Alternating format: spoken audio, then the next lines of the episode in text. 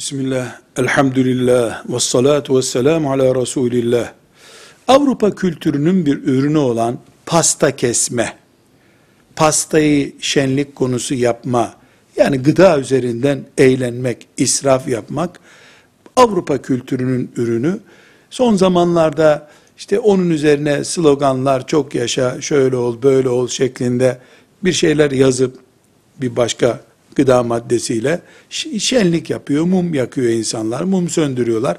Avrupa'nın ahiret bilmeyen hayatın kültürü bu. Buna rağmen pasta yemek, belki pasta kesmek haramdır demeyiz.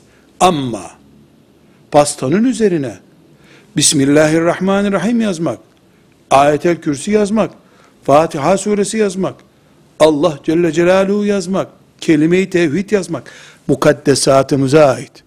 Kur'an ayetlerinden bir ayet yazmak, besmele yazmak asla kabul edebileceğimiz bir şey değildir.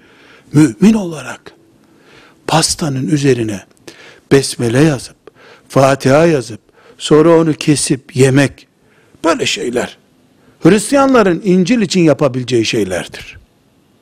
Biz, Kur'an'ımıza, Kur'an'ımızdan tek bir ayete, o ayetlerdeki tek bir kelimeye, hayatımızdan daha fazla değer verdiğimiz için ümmeti Muhammediz. Velhamdülillahi Rabbil Alemin.